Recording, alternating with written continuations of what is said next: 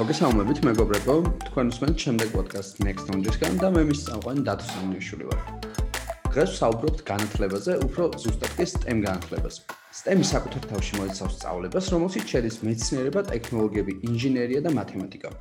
შეგვიძლია ვთქვათ, რომ სწორედ ეს ოთხი სფეროა, რომელიც თანამედროვე განვითარებულ სამყაროს ქმნის. განვითარებულ ქვეყნებში STEM განათლებას ბავშვებს სულ პატარა ასაკიდან აწყებინებენ და რაც მთავარია მსგავს სწავლებას საკუთარ თავში მოიცავს რაც შეიძლება მეტ პრაქტიკას. ერთ სიტყვით დღევანდელ პოდკასტში ვისაუბრებთ ტექნიკურ განათლებაზე, მიმოვიხილავთ მომავლის პროფესიებსაც და ვეცდებით გავიგოთ თუ რა არის საჭირო იმისთვის, რომ საქართველოს ტექნოლოგიების მომხმარებელი ქვეყნიდან აქტიურ მწარმოებლადაც იქცეს. ამ ყველაფერში კი ჩვენ დღევანდელი სტუმარი Edison Tech-ის დამფუძნებელი გივი ბერძე დაგვეხმარება. გივი გამარჯობა. გამარჯობა, მადლობა მოწვევისთვის. კი ბატონო. აა ხო, კი მოდი ალბათ დავიწყოთ პირდაპირ იმით, რომ რა არის ხო ეს როდესაც საუბრობთ STEM-ს, რას მოიცავს ეს STEM-ი და აა რა რა განათლებაზეა საუბარი, ხო?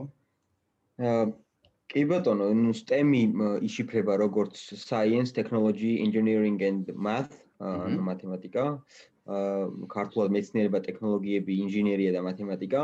და ნუ ისტორიაში თუ წავყვებით სადღაც 2001-დან 2005 წლამდე აა დაფუძნდა ეს ტერმინი ასე ვთქვათ ამერიკაში რა თქმა უნდა აა მექაში ამ ტექნოლოგიების და პირველად იყო ინიციატორი თუ სწორად მახსოვს ბუში პრეზიდენტი ბუში რომელმაც რაღაც 345 კი ჯორჯ ბუში 345 მილიონი დოლარი გამოყო აი ამ მიმართულებით იმ სტუდენტ იმ სტუდენტებისთვის ვინც ამ მიმართულებით სწავლობს, რომ მათი გადასახადი შეემცირებინან, გაეუქმებინა და ნუ აქედან დაიწყო ეს STEM მიმართულებები და იდეაც და ასე ვთქვათ, საფუძველიც ამისი მე მგონი ძალიან ცხადი არის, იმიტომ რომ პრაქტიკულად ეს მიმართულება არის დღეს მსოფლიოში ერთ-ერთი წამყვანი, რომელიც ეკონომიკებს, ასე ვთქვათ, ამუშავებს, აძლიერებს და პრაქტიკულად უკონკურენტოსაც კი ხდის სხვა ქვეყნების მიმართ.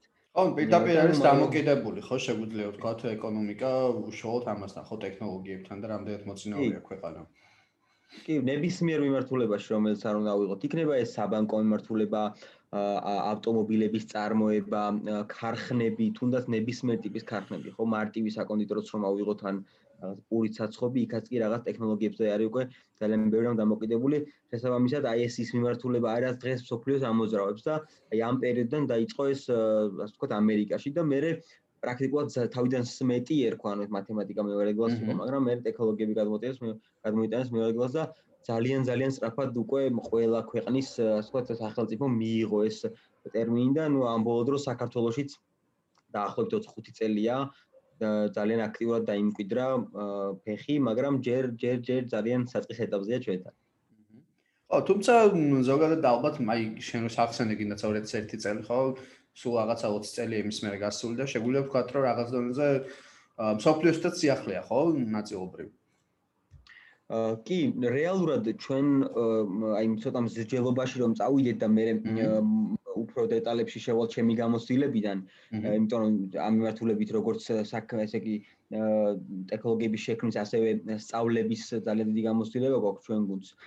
ესე იგი ეს ახალი მიმდინარეობა არის როგორც ესე სიტყვა დაფუძნებული, თორემ რეალურად 1970 ან 70-იან 80-იან წლებშიც კი ბავშვები, ანუ ოღონდ როგორ იყო მაშინ ძალიან ესე იშვიათად თუ ინტერესდებოდნენ ხოლმე ზოგადად ამ მიმართულებით და არანაირი რესურსი არ იყო რომ მარტივად შეძლებოდათ ამ ამ მიმართულების სწავლა და ეს ერთეულები ხო? ეს სტივ ჯობსი, სტივ ვოზნიაკი, ვიღა ილონ მასკი რაღაცა სადღაც ხო ბეზოსი და აი ეგეთი ერთეულები რომლებიც დღეს სოფლიოს გიგანტები არიან ხო?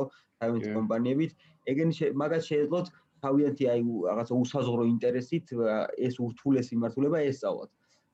მე როცა ნუ დაფიქსირდა რომ თურმე აი ეს ბავშვები რომლებიც თქვა ანუ არანაირი გრანდიოზული უნარებით არ გამოირჩეოდნენ გარდა რა თქმა უნდა ზოგი ძალიან დიდი უნარებით გამოირჩეოდა უბრალოდ ზოგმა გზაში შეიძინა ეს უნარები მაგრამ გულწრფობ იმას რომ ეს არანაირი განსაკუთრებულ skills ასე ვთქვათ ნიჩს არ მოითხოვდა ეს მართულება რომ ყოველას ესწავლა როდესაც ეს დააფიქსირეს მიხდნენ რომ მოდი ეს მართულება უფრო ხელმისაწვდომი გავხადოთ უფრო გავამარტივოთ ამ განათლების მიღება. და ეს იყო ზუსტად მიზეზი იმის, რომ აი ეს ტემი მართულება დაფუძნდა და გარკვეული ინვესტიციები და ასე ვთქვათ რესურსი ჩაიდო ამ მართულებით და პრაქტიკულად რო შევადაროთ გასული ეს საუკუნე და 21 საუკუნე დავინახავთ რომ ამან ძალიან დიდი შედეგი გამოიღო. ამის და მიუხედავად ეს ერთ ამ ეს სფერო როგორც აღნიშნე ძალიან ახალგაზრდა არის, ძალიან ახალგაზრდა არის არა მარტო საქართველოს სოფლიოშიც და ამაზე მეტყველებს ზუსტად ისიც რომ ყოველდღე, ყოველდღიურად ახალ-ახალი კურსები, პროდუქტები, სათამაშოებიც კი STEM სათამაშოები იქნება სოფლიოში, მათ შორის მეტწილად ამერიკის ბაზარზე, რომ ბავშვებს ადრეული ასაკიდან ვასწავლოთ ტექნოლოგიები. იმიტომ რომ როდესაც დღეს ამაზეც ალბათ ვისაუბრებთ, როდესაც დღეს უნივერსიტეტში ჩააბარებს აბიტურიენტი პირველ კურსზე და აირჩევს სიტყვაზე რომ თქვა ელექტრული ინჟინერიას ან კომპიუტერული ინჟინერიას ან თუნდაც პროგრამულ software development-ს მაგალითად ძალიან რთული არის დაეწიო იმ ბავშვებს, რომლებიც ამას სწავლობენ სიტყვაზე მე-6 კლასიდან და მე-7 კლასიდან. კი. ზუსტად მაგიტომაც არის ხოლმე, რომ საქართველოში ეს კომაროვის ის რო არის დაფუძნებული რაღაცა стереოტიპი, რომ კომაროვში იმის გამო რომ მე-6 კლასიდან პრაქტიკულად ალგორითმებს წერენ C++-ზე ბავშვები, მეორე უმარტივდებათ რაღაცა კურსები უნივერსიტეტში უფრო დიდი უპირატესობით სარგებლობენ სხვა სტუდენტებთან მიმართებაში და პრაქტიკულად ეს ჩვენთან არის ასე. ამერიკაში უკვე ბავშვებს რა ვიცი, პირველი რამდენიმე წლიდან ასწავლიან პროგრამირების საწყისებს, აი ბლოკ სქემური მეთოდით და ასე შემდეგ. ხო, და ამასთან კიდე რაც სამნიშნულოვანი არის, რომ პრაქტიკულ სწავლებასთან გვაქვს, ხო, საქმე იგივე შეიძლება იყოს ეს სწავლებით, მაგრამ ადამიანი ან ბავშვი ამ შემთხვევაში თვითონ ხედავს რას აკეთებს, ხო? ანუ შენ ერთია, როდესაც სიტყვაზე, ანუ აი შენ თავიდან მიახსენე, რომ დიდად 70-იანებიდან, ხო? ეს ტექნოლოგიები ყოველთვის იყო, ყოველთვის არის ხო, მაგრამ როცა გამოჩნდა და ბავშვები ამას ესე ვთქვათ, ამას ასწავლიდნენ ბავშვებს, რა თქმა უნდა, მაგრამ მეორე, როდესაც ამას უკვე რაღაცა ცალკე გამოვყოფთ, ამ რაღაცებს გავაერთიანებთ, რაც შენ თქვი და აა მე უკვე უშუალოდ ბავშვი იწყებს იმის კეთებას, რასაც ხედავს. აი ესაა ძალიან მნიშვნელოვანი, მე ძალიან დამაინტერესა ამ საკითხმა ეს თემა რო გავშალოთ. აა როგორ ხდება ბავშვის ესე ვთქვა თან სწავლა, თან ინტერესი, იმიტომ რომ თამაშითაც სწავლობენ ხო ამას და ეს როგორ ხდება ესეც რომ მიმოვიხილოთ. კი ბატონო, ჩვენ ორი სიტყვით ვიტყვი ამას და მე გავშალოთ, ჩვენ ტექნოლოგიური სკოლა ქონდა პანდემიამდე, რომელიც დაახლოებით 4 წელი ქონდა. და ძალიან დიდი გამოსtildeება გვაქვს ბავშვებს, ანუ სწავლებაში ბავშვებისთვისაც და დიდებისთვისაც, დიდებში გულისხმობ ნებისმიერ ასაკის ადამიანს. და ამ მიმართულებით გარდა ამ სწავლების გამოსtildeებისა ჩვენ თვითონაც და მე პირადადაც ეს კომაროვის გამოვლილი მაქვს სწავლდი მათემატიკა და კომპიუტერულ მეცნიერებებზე და ძირითადად დაკავებული ვიყავი სოფტვერთან ერთად hardware-ით. და ყოველთვის იყო აი ეს პრობლემა. განსაკუთრებით იყო სკოლის პერიოდში ფიზიკა, აი ფიზიკა შენს გექნება ალბათ ნასწავლის სკოლაში, როგორც ყველა ყველა ნებისმიერ ჩვენს ირგვლივ ადამიანს იყო მე-6 კლასში, მე-5 კლასში იყო ფიზიკა, აი ძალიან რთული გასაგები იყო. ნებისმიერი ბავშვისთვის იყო ძალიან რთული გასაგები, იმიტომ რომ პრაქტიკულად გვიხსნიდნენ ნიუტონის კანონებს სიტყვაზე და აბსტრაქტულად ხდება, ხო, ეს ყველაფერი ძალიან, კი. იმასაც კი ვერ გვაჩვენებ, აი, თქვა ქმედება იწოს უკუკმედება სიტყვაზე, აი ეგრო გავიგე ეგ წინადადება, აი საერთოდ ვერ ხდებოდა. ეს ერთადერთი რა ჩემი მოვალეობა იყო ხოლმე, რომ დამეზეპირებინა ეს კანონი, რომ მე მასწავლებლებს მომეყო და ორიანი არ მიმეღო. კი. მაგრამ რეალურად უმარტივესად რომ აიხსნა ორი რაღაცა ობიექტი რო აიღო და რაღაცა ზემოქმედება მოეხდინა ამ ობიექტებზე მარტივად შეიძლებოდა მასწავლებლებს ჩვენთვის დაენახვებინა თუ რას ნიშნავს ეს კანონი პრაქტიკაში.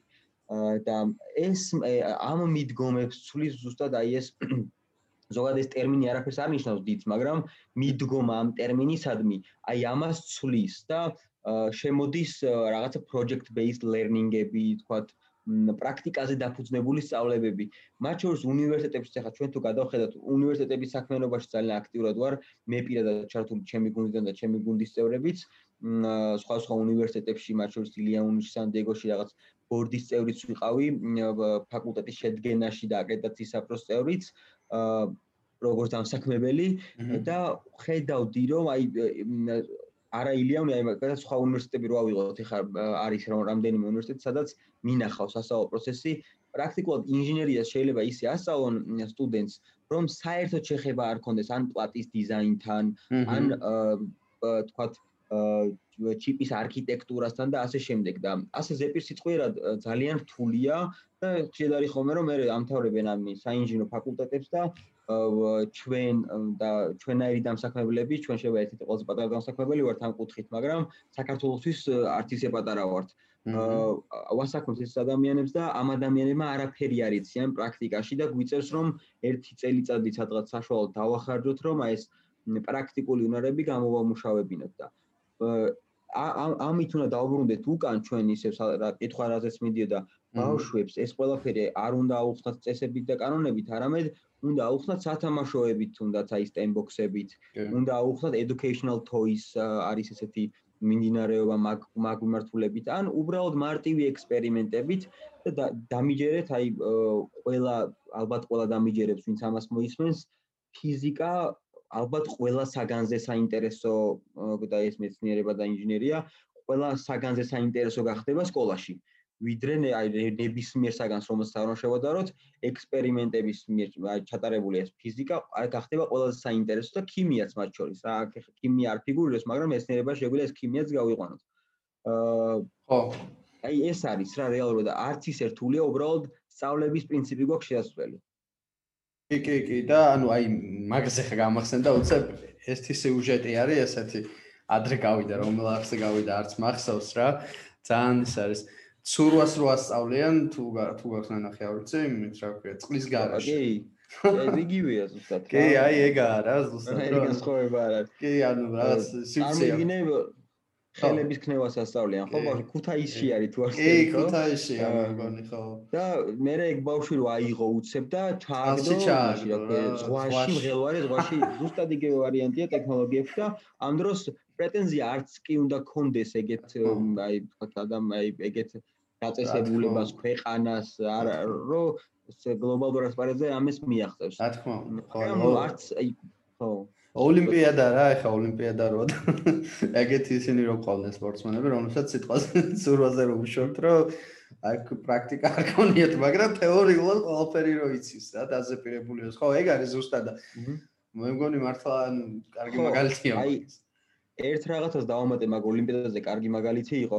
ერთი ცუდი რაც არის ზოგადად არ ვიცი საზოგადოებას ჩვევია ეს ალბათ ეს ოლიმპიადა როცა იცი რომ აი კონკრეტული დროის მონაკვეთია რითაც ჩვენ უნდა მოემზადო ესე და ესე ხო? უფრო მარტივი არის დაგეგმის კუთხით მაგრამ აქეთ უფრო რთულია რეალურად ეს არის უსაზღრო მიმართულება რომლისთვისაც მზადება უნდა დაიწყო ძალიან ადრე სულ ოლიმპიადა არის პრაქტიკულად ხო? აქ და სულ უნდა ემზადებოდე და რაც უფრო ადრე დავაწყებინებთ ამას ჩვენს მომავალ თაობას თუნდაც ახლანდელ თაობას და თუნდაც ხანში შეცულ თაობას გადავამზადებთ ხო უკვე მათ მათ იციან ძველი სიტყვაზე. ძალიან ბევრი შეხვედრია ჩვენ ლექტორები პროფესორები ისეთი რომლებმაც იციან ეს სიტყვაზე ანალოგური აი ტერმინი შემოვიღოთ რაღაცა ანალოგური ელექტრონიკა ასე თქვა. რომელიც არის ძველი არის ასე თქვა. ანუ ახლაც გამოიყენება ძალიან ბევრ რაღაცას კარგად დაკეთებენ მაგით, მაგრამ ძველია. ჩვენ ტრენინგ ცენტრში მაგათ ტექნოლოგიურ სკოლაში 60-65 წლის ადამიანები 50 აი ნებისმიერ ასაკი დადიოდა იმისთვის რომ ეს ანალოგური ელექტრონიკის გარდა ციფრული ელექტრონიკაც შეესწავლოთ რაც უკვე გულისხმობს იმას რომ არა მარტო პლატის შექმნით ამოხსნან ამოცანები არამედ პლატა შექმნან ისეთი რომელიც იქნება დაპროგრამებადი ანუ პრაქტიკულად გამოდის რომ ეს ტემიმართულება ბაღაც ბავშვებზე კი არ შევზღუდეთ და სოფლიოს არ არის შეზღუდული, არამედ ყველა ადამიანზე. იქნება ეს მენეჯერი, იქნება ეს ამ მართულების სპეციალისტი თუ ნებისმიერი სხვა. კი, კი, და ანუ აი მაგის კარგი მაგალითი ჩემ თავზე შემიძლია, ჩემ თავი მოვიტანო, იმიტომ რომ აი რა ვიცი მე რომ ასწავლენ გინდა სკოლაში ფიზიკას ან რა ვიცი ნებისმიერ საბუნების მეტყველს გინდა ხო რაღაც ან ზუსტად აი მომენტი მქონდა ხოლმე რომ ვერ ხვდებოდი საერთოდ ჯენერატორს სწავლობდი. და ესეთი ის მქონდა რომ ანუ აი რისთვის მახსოვს და შემოვლოდი რომ აი ეს რაში მჭირდება თქო რა ანუ ვერც რეაზრებთ საერთოდ ან როცა არა და ბავშვი ძალიან ცნობის მოყარეა და პირიქით ამ სამყაროს როგორც ბიოლოგიურად არის მზადრო სამყარო შეისრულოს და ცოდნა და აგროვოს ხო? ან მაგასახში ასევე რაღაც ყოველთვის მაგ დროს სწავლობ ესე ვთქვათ და რა ვიცი, ანუ როდესაც რაღაცას ხედავ რეალურად და რაღაც აზრს იგებ, რა თქმა უნდა, ბევრად უფრო ისე პროდუქტიულია, ხო? აა აი კალსაიგანს აქვს, მე მგონი კიდე ერთი ეს ძალიან კარგი რაღაც, რომ სკოლაში შედის ერთ-ერთი მასზე. აა იქ რო ნახავს ამ ბავშვებს, რომლებიც რომელსაც ისეთ შეკითხვებს ავენო რა, რომ აი მაინტერესებს თუ სიტყვაზე რა არისო მზეო მაგალითად რა არის მთვარეო, როგორიაო პლანეტაო ჩვენი აზე ცხოვრობენო და მეეო სიტყვაზე რომ ერთი 20 წლის მერე რომ ნახო ეს ადამიანები, ეგ ვაფშე აღარ აინტერესებთო რა, просто просто გეოპარაკებიანო იმაზეო, რაზო უშუალოდ კონკრეტულად რაღაცა ავის იმას ეს საქმიანობსო რა. და ანუ აქ მივდივართ იმაზე რომ რაღაც დონეზე ვსდით ადამიანებს თაობებს რომლებიც არიან არ ვიცი მარტო მომხმარებლები ხო და არა ის რომ სიტყვაზე რაღაცას თვითონ შექმნან ან გინდაც ელემენტარულ დონეზე ერკვეოდე იმას რასაც მოიხმარ ხო მე ბავშვობაში ნახშედ მიფიქრე რომ დროში მე მოგზაურა და წარსულში რომ მოხვდებოდი რას ვიზამდი რა და სულ ამომედგინა რომ გენიოსი გავხდებოდი ხო ბავშვობაში ეს რაღაცებს ვფიქრობდი ხოლმე მე ცოტა რომ წამოვიზარდე მივხვდი რომ მე რო წარსულში მოხდრილიყავი რაღაც ასაკში ხო იმ ჩემ წონით პროსტა გიჟე ვიქნებოდი იმიტომ რომ რეალურად ეს ტექნოლოგიებზე კი მოყვები მაგრამ უმეტესობა ეგრე იზამს ადამიანი დღეს რა. მოყვება მაგრამ უშუალოდ როგორ მუშაობს რა არის ეს ხო ან წარმოდგენა არ გვაქვს ხო და ეს ძალიან ცუდია არა მარტო იმ ხრივ რომ სიტყვაზე შევა ეკონომიკაზე აისახოს ჩემი აზრით ცუდია იმ ხრივ რომ გაუცხოება ხდება ადამიანებსა და ტექნოლოგიებს შორის. როცა სინამდვილეში სულ უფრო და უფრო დამოკიდებულები ვართ ტექნოლოგიებზე ჩვენ ყოველდღიურობა რეალურად ეს არის მაგრამ სინამდვილეში ვაფშე უფრო და უფრო დიდი გაუცხოება ხდება ხო და აი მე სიტყვაზე ნაზი ჩენლაპარაკობ ამას ამის შევსების აა საშუალება ხედავ გინდას ამ STEM განათლება იქნება თუ ზოგადად როდესაც ადამიანებმა მაქსიმალურად უნდა იცოდნენ პატარა ასაკიდან რა თქმა უნდა. რაზეა ხო საერთოდ საუბარი და როგორ ცხოვრობთ ხო ტელეფონი რო გიჭირავს ვაფშე რა არის ეს? როგორ შეგიძლია რომ ერთი ადგილიდან მეორე ადგილზე ელაპარაკო და მარტივი დონეზე რა მოკლედ. ბევრად უფრო ცნობის მოყარა იქნება მოკლედ ამის თქმა მინდა. ა ბავშვის და მე ადამიანის და უფრო შემოქმედებით ხო? აი მოდი იმაზეც ვისაუბროთ საინტერესოა აი უშუალოდ რა ხდება ამ ხრივ? ეხა საქართველოს იმიტომ რომ შენ ახსენე რომ რაღაცა 4 წელი 4 წელიწადია დაახლოებით ეს რაღაც თემა აქტუალური გახდა უფრო და უფრო ფეხს იყიდებსო ხო და აი რა დონეზე აქვს ახლა ფეხი მოკიდებული და კიდე ის ამას ალბათ ეს ჯობი მოვაყოლოთ რომ გარდა იმისა რომ ფეხი აქვს მოკიდებული აა რა პერსპექტივებია რა ამ ხრივ რა? რას ნოველდოთ მომავალში? და რა არის ვაფშე საერთოდ გასაკეთებელი იმისთვის რომ ფეხიც მოიგიდოს და კარგად ფესვები ჩაჯდეს ესე ვთქვა ეს თემა რა. აა კი საქართველოსი ცოტა მძიმე მდგომარეობა ახლა კიდე ნელა უმჯობესდება მაგრამ აი მაგალითად მე რო სტუდენტი ვიყავი დაახლოებით 6 წლის წინ თავაბარე მაშინ ძალიან რთული მდგომარეობა იყო ამ მიმართულებით თითო რაღაცა ერთი ორი ადამიანი თუ რაღაცას აკეთებდა ამ ამ სფეროში. ე მე პირადად როცა რაღაც მე კომპიუტერ საინსზე რო ჩავაბარე მაშინ ეს მართულება ძალიან მომწონდა, მაგრამ როცა უკვე hardware-ზე გავიგე და მივხვდი რომ თურმე ეს პლატა, რომელიც იგივე ამ ტელეფონში დევს, ან რაღაცა ტელევიზორის სამართავო პულტში, ან ნებისმიერ რამეში, ხო, რაღაცა სამართავი ტვინიდებს, რომ მივხვდი რომ მაგის შექმნა თურმე რაღაცა აი ბავშვობაში მწვანე პლატებს შვიდით, ხო, გაგ თუ გახსოვს? ზუსტად მაგაზე მაქვს საუბარი, რომი გავიაზრე რომ ეგ ციდან ჩამოვარდნილი ხალხი კი არ აკეთებს მაგას არამედ ჩვეულებრივი ადამიანები აკეთებენ მაგას რომლებმაც უბრალოდ ეს მიმართულება ისწავლეს. ეგ რომ გავიგე პრაქტიკულად დავდიოდი და ყველა ადამიანს იქნებოდა ეს ჩემი კურსელები, ოღონდ არა არა იმავე ფაკულტეტის კურსელები, არამედ ბიზნეს სკოლა ან სიტყვაზე რომელიმე სხვა სკოლის ფაკულტეტის სტუდენტები, როცა მათ უყვებოდი ამას, აი ყველა აბსოლუტურად აი ზუსტად იგივენაირად არ მქონდა დაახლოებით, როგორც აი წარსულში რო წახვიდე და ტექნოლოგიებზე ისაუბრო. ყველა ყველა ზუსტად იგივენაირად არ მქონდა ამას და ეს იყო ძალიან ასე ვთქვათ ნუ მე რა თქმა უნდა იუმორით უყურებდი ამ საკითხს, იმიტომ რომ ვერ იგებდნენ და რა უნდა გექნა, ხო?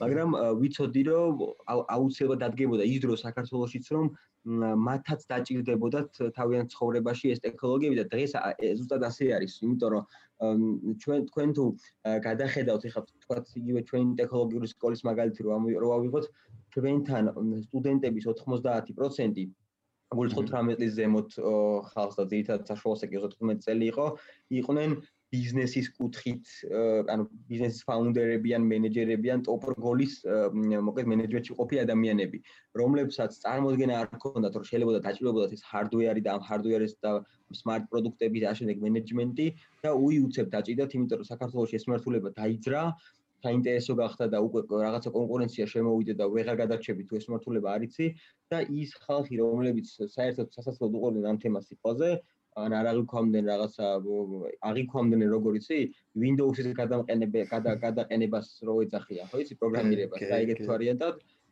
უცებ დაჭირდათ. და რეალურად მაგან განავითარა ეს საქმე. ჩვენ ვიყავით წარმოიდგინე მესამე კურსის მეორე კურსის სტუდენტი სტუდენტები ვიყავით როცა ასე დიდ ჩვენ ძალიან შეიძლება ისე ჟღერს მაგრამ ძალიან სწრაფად დავაგროვეთ ცოდნა ამ მართლებით ხედაღამე ამაზე მუშაობდით უამრავ კონკურსში უამრავ რაღაცა ვიღებთ მონაწილეობას და ამან ძალიან დიდი ცოდნა მოგცა მოკლე დროში. და ჩვენ უზიარებდით ჩვენ ცოდნას დიდ ადამიანებს მაშინ და რო უყურდით პროცესს აი ძალიან სწრაფად განვითარდა. რა დღეს რო თქვენ ახლა მაგალითად მე ჩვენ რო Edison Tech-ი დავაფუძნეთ და ტექნოლოგიურ გადაწყვეტილებებს თავაზობდით ბიზნესებს და თვითონ ხდებოდით ან ტექნიკურ დირექტორებს ან თქვათ თვითონ CEO-ებს რა დირექტორებს. როცა უყვებოდით ამაზე ეს IoT ნივთების ინტერნეტი, Internet of Things ხო ან სიტყვაზე რაღაცა პლატის დიზაინზე და ასე შემდეგ, ну არა გვიქვავდნენ სერიოზულად და ვერც ხვდებოდნენ წარმოდგენა არ ქონდათ საერთოდ რაზე ქონდა საუბარი, მაგრამ დღეს რაც მიხარებს გულს ის არის რომ როცა ვიღაცას ხვდებით, იქით გეკითხებიან ბიზნეს ოუნერები რომ სიტყვაზე აი ეს როგორი არის თქვა IoT იქნება შეუძლებთ რაღაც ლორაზე დაერთება თქვა პატის დიზაინი თქვენი გაკეთებულია და გადაკეთება შეიძლება თუ თქვა აი ყველაფერი აი ამ ამაში გათვითცნობიერებას ახდენს ხალხი და მეტიც უფრო სასიხარულო ის არის რომ ეს ხალხი თვითონ ვინებიც ვინებსაც უკვე ეს პრაქტიკაში ჭირდებათ ხვდებიან და იაზრებენ იმას რომ ეს არის მომავალი ცოტა გვიან კი გავიაზრეთ რეალურად მაგრამ ეს არის ჯობს გვიან ვიდე არაზროს ხო?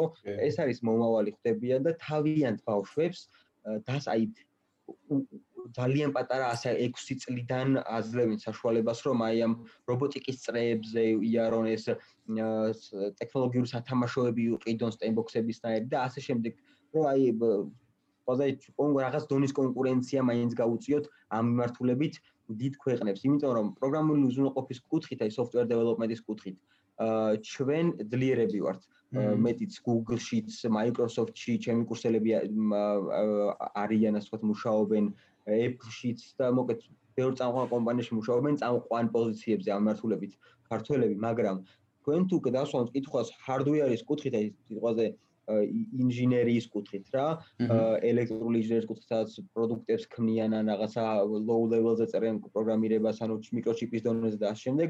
თითო როლა ედიშერი ედიშე კაღაშვილი არის ერთ-ერთი ძალიან წარმატებული ქართველი ეგ მახსენდება და თითო როლა ადამიანი მახსენდება ვინც ამ მართულებით მუშაობს.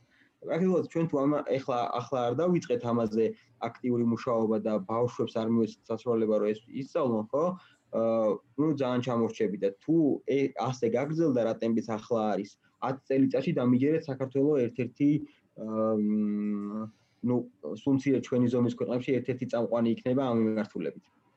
ანუ ესეთ გინდაც ახლა როგორც ვითარდება, ანუ ესე თუ განვითარდა, ფიქრობ რომ არის საკმაოდ პერსპექტივები? კი, კი, სამაჩურ სახელმწიფოსგან არის ინოვაციების ტექნოლოგიების სააგენტო ყველას გაუგია. აა მანდ ინოვაციების ტექნოლოგიების სააგენტოს ტექნოპარკები, რობოტიკის სკოლები, მათ შორის ჩვენი სკოლა, ჩვენი სკოლა ხო იყო ეს რობოტიკის მიმართულებით. იმდენად აი აქტუალურობით სარგებლობს უბრალოდ განსხვავება ის არის რომ ეს სახელმწიფო უფასო დასწავლის და რაც ძალიან კარგია რობოტიკის სკოლებში რაღაცა გადასახადი არის ხოლმე როგორც ეს ბავშვებისთვის. მაგრამ აი ეს ორი მიმართულება იმენად აძლიერებს ამ სფეროს რომ შობლები პრაქტიკულად შაბათკვირას რაღაცა ეხა თუდად არ მინდა გამომივიდეს ცეკვაზე კი ცდილობენ რომ შეიყვანო ბავშვი. ანუ მარტო ცეკვაზე კი ცდილობენ შეიყვანო ცეკვაც საჭიროა და სპორტიც მაგრამ მარცევაზე არამედ ვცდილობენ რომ აი რობოტიკა, აი მათემატიკა, აი ინჟინერია და აი მაგ მიმართულებაზე უკვე ფიქრობენ, იმიტომ რომ იციან რომ რაღაცა 10 წლის მერე და 20 წლის მერე მათ შვილს შეიძლება ხელფასი კონდეს იმაზე ბევრად დიდი ვიდრე ასე ვთქვათ ერთ-ერთი ყველაზე დიდი ბიზნესის ფლობელ ადამიანს, ფლობელს არა, დირექტორს სიტყვაზე. იმიტომ რომ ამ მიმართულებით დღეს დისტანციურად მით მუშაობს საქართველოსდან სიტყვაზე ამერიკაში, ლონდონ ინგლისში და ასე შემდეგ არ დამიჯერებთ რამდენი აქვს ხელფასები, მაგრამ მაინც გეტყვით, დაახლოებით საშუალო ხელფასი არის 6000 დოლარიდან 10000 დოლარამდე. და 30000 ლარი დღეს საქართველოში არის ერთ-ერთი ერთი თუ არა ერთ-ერთი ყველაზე ყველაზე მაღალი თუ არა ერთ-ერთი ყველაზე მაღალი ანაზღაურება ასე თქვა. ხო, არა, ფაქტია ეგ და ძალიან კარგია რომ მაგას უკვე აი შენ თქვი რომ შობლები ხედავენო და რაც უფრო მეტი დაინახავს მათთვისაც კარგი და ქვეყნისთვისაც კარგი, ხო? ნამდვილად, მათ შულებისთვისაც ძალიან კარგი არის.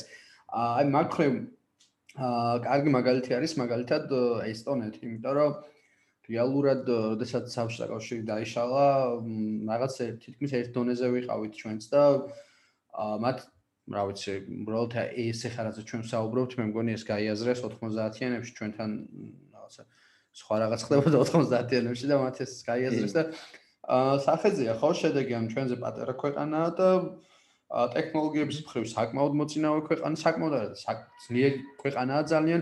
ბოლო-ბოლო Skype-ი შეიქმნა ხო მან და ნუ მაგან ხო ალბათ საერთოდ დაბუსტა და დაბუსტა ხო როდესაც აი მაგალითად როცა ერთი ადამიანი ხოლმე რაღაც ქვეყანაში მით უმეტეს პატარა ქვეყანაში რაღაც კონკრეტულ რაღაცაში დიდ წარმატებას მიაღწევს ხოლმე მე ეს ხდება ხოლმე მთელი თაობებისთვის ინსპირაციის და ძალიან ბევრი მიდის ხოლმე ამაზე ხო აი ჩვენ მაგალითად ნონა გაფრინდაშვილი და ქალი მოჭადრაკეები რო ყავს ან წარმატებული აი ეხლა რო გადახედო სტატისტიკას მაგალითად ჭადრაკში უმეტესობა გოგოები შედიან დღემდე საქართველოში და ძალიან ბევრი ხსნის ამას იმით, რომ ქალი ძალიან ძლიერ მოჭადრაკეები რო ყავდა და ეს ყველაფერი, ანუ რაღაცა ისე ძალიან აქტუალური გახდა და ძალიან ბევრი გოგო შეყავდათ რა, ესე ვთქვათ ჭადრაკს და ანალოგიურად ეს აისახება აუცილებლად ტექნოლოგიებზე, როდესაც დავინახავთ და დაინახავენ, რომ ამ რაღაცას რეალური შედეგი აქვს და რა ვიცი. კი.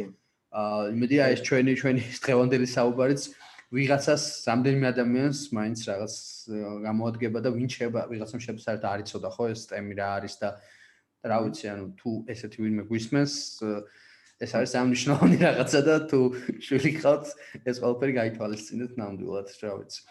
აა ზუსტად იგივე იყო აი ჭადრაგზე რო იყო სერიალი კი კი.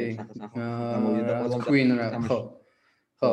დედოფლის რაღაცა ხო სახელმწიფო ცენტრად ხო ხო ლაზიერის რაღაცა აა ლაზიერის გამბიტი ხო აი ხო ლაზიერის გამბიტი კი. ხო ანუ წარმოგიდგენთ chess.com-ი რომელიც ჭადრაკის პლატფორმა არის ერთ-ერთი დიდი თითქმის გააორმაგეს მე მგონი მოთამაშეთა რაოდენობა დიდი დაინტერესება გამოიწვია. ეს ახლა ნაკლებად კავშირში არის ამ მართულების ქვეყნის წარმატებასთან როგორც Skype არის და Taxify მაგალითად მაგ ქვეყნისთვის მაგრამ დაახლოებით პრინციპი იგივეა ხო? ტრენდს მიყვება საზოგადოება. დღეს ჩვენთან გაუცნობიერებლად მიყვებიან ასე ვთქვათ რაღაც დაახლოებით თუ ხდებიან მშობლები რასთან აქვს საქმე და ენდობიან ვიღაცის ნათქვამს მაგრამ როცა ძალიან დიდი წარმატება დაიდება ამ მიმართულებით ძალიან დიდ შეგულისხმობა აი იმდენად დიდს რომ თემი სოფლიო ამაზე ისაუბრებს როგორც Skype იყოს პოდე ერთი იყოს ხო? მე უკვე ჩათვალე რაღაცა ექსპონენციალური ზრდით წავალ. მაგრამ მაგამდე მისვლასაც ძალიან დიდი ძალისხმობა ჭირდება რომ ეგ ეგ წარმატება დაიდოს. კი ბატონო, ნამდვილად.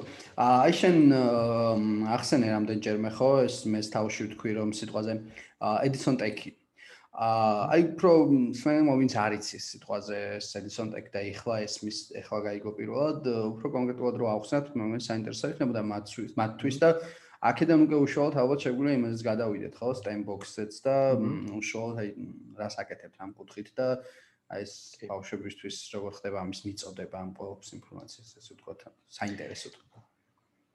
Edison Tech Edison Tech Solutions ესე უფრო რაღაცა სრულად თუ ვიტყვით, ჩვენ დავაფუძნეთ მე და ჩემმა სამა მეგობარმა, ასე ვთქვათ, პირველ კურსზე პრაქტიკულად, როცა ჩვენ აღმოვაჩინეთ ეს hardware მიმართულება, ლაბორატორია ქონდა უნივერსიტეტში და ვიხედით იმ ლაბორატორიაში და ვაკეთებდით რაღაცა ჭკვიან მოწყობილობებს, რომლითაც მე ვიღებთ მონაწილეობას ეგრეთ წოდებულ ჰაკათონებზე და მეიკათონებზე და ვიგებდით პრაქტიკულად პირველ ხან პირველზე გავიდეთ ხან მეორეზე გავიდეთ ხან მესამეზე, მაგრამ ძირითადად სუ ტოპ 3-ში ვიყავით ხოლმე.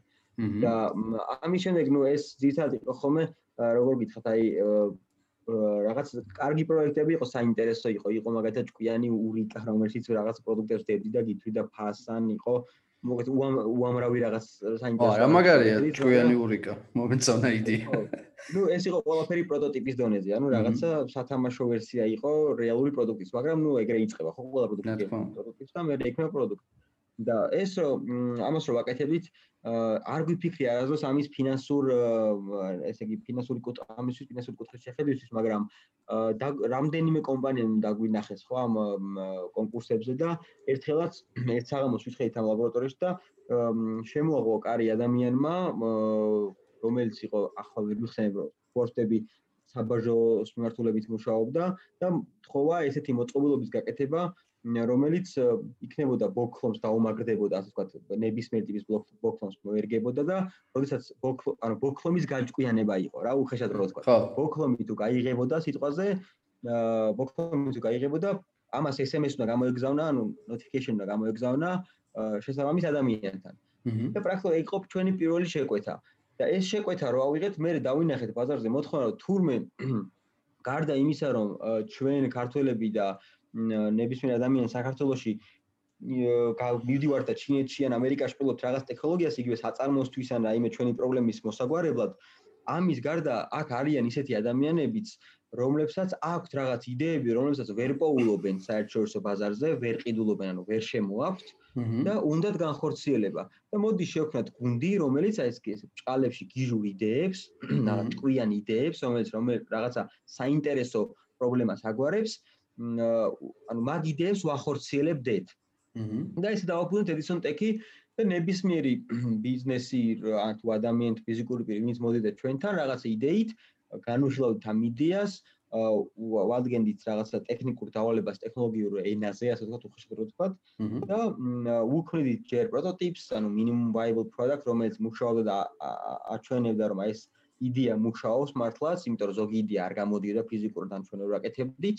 და მეორე უკვე არაერთი მაგალითი ყოფილა, რომელიც პრაქტიკაში დაგვინეგავს ტექნოლოგია და ერთი ყველაზე ძალიან საინტერესო кейსი იყო, როცა ჩვენთან მოვიდა ხელოვნების საერთაშორისო ცენტრიდან ერთ-ერთი ადამიანი, რომელსაც ქონდა, რომელიც იყო სოფლიო ბანკთან ერთად რაღაც ერთ პროექტში და ამ პროექტს ერქვა გელათის ტაძრისთვის მონიტორინგის სისტემის შექმნა. აჰა. და პრაქტიკულად ეს იყო ერთ, ანუ საქართველოს წარმოგიდგენთ ახლა ამერიკაში ასეთ პროექტს ჩვენი ასაკის ხალხს რაც არ უნდა ჭკვიანები და რაც არ უნდა გამოცდილები იყვნენ არავინ არ მისცემს. მაგრამ იმდენად ვიჭირს ამ მართულებით საქართველოს მაშინ გვიჭირდა საქართველოსში რომ მათ მოუწიათ ესე გუნდის ძებნა რომელიც ამას გააკეთებდა და ერთ-ერთი გუნდი ანუ ერთადერთი თუ არა ვიყავით ჩვენ და ძალიან ეს შეუძლებელ რაღაცა შევეჭდით მაგრამ ღამეები ვათენეთ 3-4 თვე იყო თუ 5 თვე თუ ვარდები აი ყოველ ღამე ვათენებდით და ბოლოს დაიდო პროექტი რომელიც რომელსაც ყველას გაუკვირდა. რაღაც ხუთი ჭვიანი პლატა შევქმნით პროდუქტად რომლებიც დაყენდა გელასტადის სხვადასხვა წერტილში და აკონტროლებდა ბზარის ბზარი აქვს გელასტადის იმის გაშლა შეკუმშვას გუმბათ გუბათზე ეყენა თქვა კედლების გადახრა გადმოხრა საკვირდებოდა რაღაცა მიკრო არის ასე უმცირე სადაც რო გადაიხაროს კედელი ძალიან დიდი პრობლემაა ხო შენობისთვის. და ამ შემდეგ და ეს იტალი იტალიიდან იყო თუ ვარდები ვიღაც ინჟინერი ჩამოსული რომელმაც რაღაცნაირად შეამოწმა, ხო როგორ შეამოწმადია და არ ვიცი გაუგზავნეთ ჩვენ ნახასებით და ყოველთვის ალბათ ჩახედა. რაღაც რაღაც ტესტებში გაატარა სავარაუდოდ და ნუ კარგიაო თქვა და ეს იყო ჩვენი პირველი დიდი successful პროექტი ასე თქვა. და მაგის მერე მოვდივართ ესე დიდ ბიზნესებს, ძირითადად და საშუალო დიდ ბიზნესებს უხორციელებს სხვა სხვა ტიპის ჭკვიან გადაწყვეტილებებს, პროდუქტებს უქმნით და მერე ისინი ან თავიანთ ბიზნესში ნერგავენ უკვე ამ პროდუქტებს ხარხნებში მაგალითად საწარმოებში და ასე შემდეგ ან ასე ვთქვათ ჩვენ პროდუქტებს ვაკეთებთ ჩვენს ტექნოლოგიებს რომლებიც მე ან ჩვენს პროდუქტებს ჩვენ Edison-ის ქვემოთ პროდუქტებად იყიდება როგორც ჩვენი ერთ-ერთი tech solution-ი ან საერთოდ გამოყოფილად ცალკე სტარტაპად ვაყალიბებთ და უკვე იმის გატანას ვთილობთ ადგილობრივ ბაზარზე როგორც წესი ტესტირებას ვახდენთ ხოლმე პირველი early adapter-ები აქ ყავს და შემდეგ ვთილობთ გავიტანოთ სხვა ბაზრებზე სადაც უფრო ძლიერი არის ეკონომიკა იმიტომ რომ გინდა არ გინდა და ამ თემას ალბათ მივალთ ჩვენ რო ტექნოლოგიას ვქნით და ვაწარმოებთ გამომდინარე იქიდან რომ აქ წარმოების კუთხით მარტო assembly შეგვიძლია პლატის დიზაინს და ვთქვათ პროდუქტის დიზაინს რომელსაც ვქნით მიწევს რომ ხან ჩინეთში ხან ამერიკაში გავაკეთოთ და მე იქიდან შემოვიტანოთ იმენა ძვირდება პროდუქტის ფასი რომ საქართველოს როგორც წესი სყიდულნაირობა ან კუთხით დაბალი არის ხოლმე. და ვსილო აქ ყოველთვის ხოლმე ძალიან დაბალ ფასად გაყვიდეს პროდუქტი. მარტო იმიტომ რომ ჩვენც რაღაცა ქართველები ვართ და გვინდა რომ ჩვენ ჩვენი ქვეყნით დავიწყოთ. მაგრამ საბოლოო ჯამში ქვეყნისთვისაც და ჩვენთვისაც კარგი იქნება თუ ეს პროდუქტი წარმატებული გახდება გლობალურად. და ე ამას მივყავართ იმ წარმოების პრობლემაზე, რომელიც აუცილებელია და ამაზეც მივიდეთ ალბათ. კი. ხო, აა ნამდვილად, ნამდვილად საინტერესოა და აი აი იმ თემაზეც მივედით ხო რეალურად, აი მას აკეთებთ თქვენ სიტყვაზე რამდენიმე წელია და რა ხდება ამ ხრივ ანუ არის კონკურენცია რეალურად და სიტყვაზე აი ქართული ბაზრიდან რამდენად შეიძლება გასვლა საერთაშორისო ბაზარზე და ანუ თუ გაქვთ ამ ხრივ ცდილობები და თქვენც და ზოგადად თუ არის საქართველოს ესეთი ინდა თქვენნაირი ადამიანები რომლებიც ცდილობენ ასევე რომ გავიდნენ იმდა საერთაშორისო ბაზარზე და ამ შემდეგ. საქართველოს ვინც არის ჩვენაირი ადამიანი ძირითადად თითო რაღაცა 1-2 თუ გამოიძებნება, ყველა მუშაობს თავისთვის და იღებს შეკვეთებს დიდი ორგანიზაციებისგან და იმერ მაღალი აქვს შემოსავალი, რომ არ ფიქრობენ საერთოდ რაიმე პროდუქტის გაკეთებაზე. კონკურენცია, რა თქმა უნდა, ამ კუთხით რაღაცა მინიმალური არის, მაგრამ თქვა 1-2 დიდი ორგანიზაცია არის, რომელიც რომელსაც ხელ ეწიფება ასეთი რაღაცების კეთება, რასაც ჩვენ ვაკეთებთ, მაგრამ იშვიათად თუ მიმართავენ ხოლმე ამ გზას. ყოველთვის ურჩევნიათ ხოლმე რა სტანდარტული გზა, ხო, რა რითიც დაიწყო ზოგადად ეკონომიკა ოდითგანვე იყიდონ სიტყვაზე ჩინეთიდან, შემოიტანონ და კი ბატონო. აყიდონ რა, ანუ ყველა აწובה მაგ გზას და ეგ იყო ძალიან დიდი პრობლემა ჩვენც, იმიტომ რომ სახელმწიფო ეხა საქართველოში თქვა ერთ-ერთი ყველაზე დიდი დამკვეთი შეიძლება ჩაითვალოს სახელმწიფო, ხო, ნებისმიერ სექტორში. საინტერესო უხეშად კლიენტი არის, რომელიც ბევრ შეკვეთებს ახორციელებს სატენდერო გზით. საერთოდ აი სატენდერო კუთხითაც მაშინ და ახლა ცირთული არის არც ვერც კი წარმოედგინათ ადამიანებს იქ ვინც მუშაობენ ან თუნდაც კერძო სექტორში ხო არის ტენდერები იქაც რომ ვიღაცას მათ მიერ გამოცხადებული ტენდერისთვის ტექნოლოგია კი არ შეიძლება კი არ შეესყიდა არამედ ზუსტად ისეთი გაეკეთა ანუ ზუსტად ისეთი პროდუქტი შექმნა რომელიც მას ჭირდებოდა და ადგილობრივად ეწარმოებინა და ფაშიც მოეგო, მაგრამ აა ხო ანუ ეგ მაგის წარმოქმნა საერთოდ არ შეეძლოთ. ახლა უკვე პირიქით არის. ახლა უკვე უყურებენ იმას, რომ მე რომ მინდა თქვი სიტყვაზე რაღაცა აა ნებისმიერი იდეა ავიღოთ, თუნდაც აა მანქანების გადაადგილების კონტროლის მოწყობილობა მე მაქვს რაღაც კონკრეტული მოთხოვნები, ხო? სიტყვაზე ეს უნდა მიზომავდეს ბენზინის მოხმარებას, გადაადგილების, ასე ვთქვათ, რამდენი რამანძილი გავიარე და თქვათ, მოდი საინტერესო ფუნქციად ჩავდოთ ახლა აქვე მოვიფიქროთ რაღაცა, ბორბლების გადახრა გადმოხრას მინდა რომ ვაკვირდებოდეთ და ასევე მინდა ვაკვირდებოდე რამდენად უხეშად ატარებს მძღოლი მანქანას. რამდენად სწრაფად იღებს საჭეს, ხო, აქეთ იქით. და რამდენად უხეშად აჭერს ესე ვთქვათ აქსელერაციის პედალს რა, ანუ ის პედალს.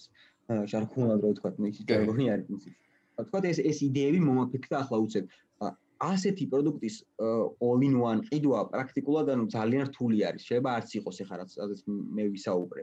მაგრამ სიტყვაზე ამას უკვე ის და ჩემე ეს ადამიანები რომელიც ახლა მეახსენი ვისაც ეს პროდუქტი ჭირდებათ უკვე იმაზე კი არ ფიქრობენ რომ მე მოდი მარტო იმ გზას მიმართავ იქნებ ვიღაცა მიპოვოს და ჩამომიტანოს.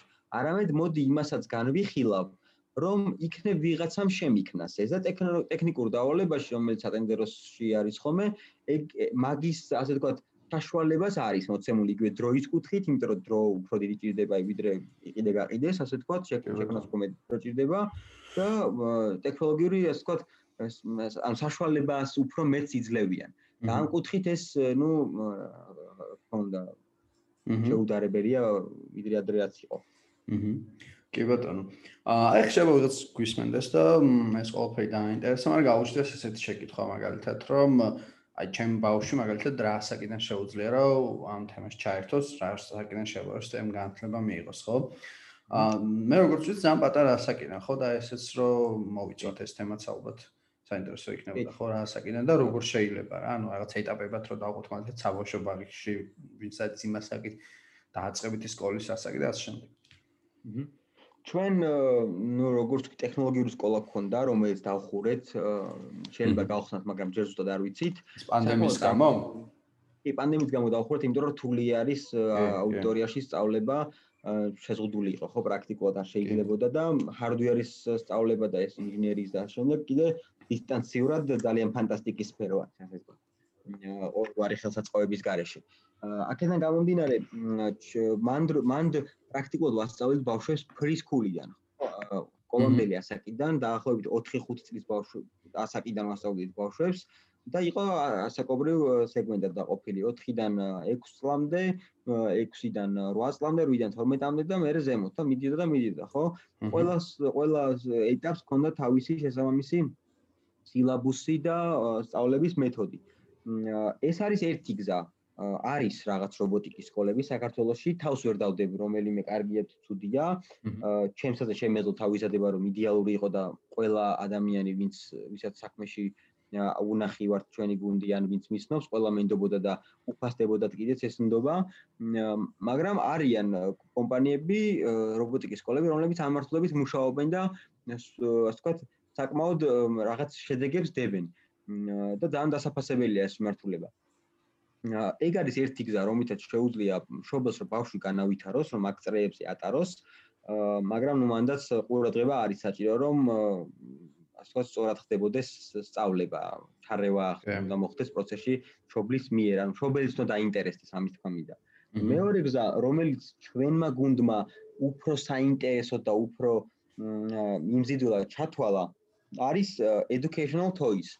ანუ საგანმანათლებლო სათამაშოები. ოღონდ, რა თქმა უნდა, არ გულისხმობ სხვაზე საქსო სათამაშოს ან კერი, ეგეც ხო ის არის, ხო, educational toy არის, ხო, ზოგადად, ასე დაფები და ნემსები იდოს. ანუ ზოგადად აი მოტორიკასაც რო ანუ ვითარებს მაგალითად და ათასნაირ რაღაც. კი, ეგეც ერთ-ერთი educational toy არის და ჩვენ მოვიფიქრეთ და ეს არ არის ინოვაციური, მაგრამ რაღაც ინოვაციურობის კომპონენტები გვაქვს ჩვენს, ანუ ჩვენებური სიახლე მაინც დავნერგეთ ამ ჩვენ პროდუქტში, ასე ვქო, ჩავდეთ. ჩვენ ეს STEMbox ეს educational toy წარმოადგენთ STEM-ის სახით.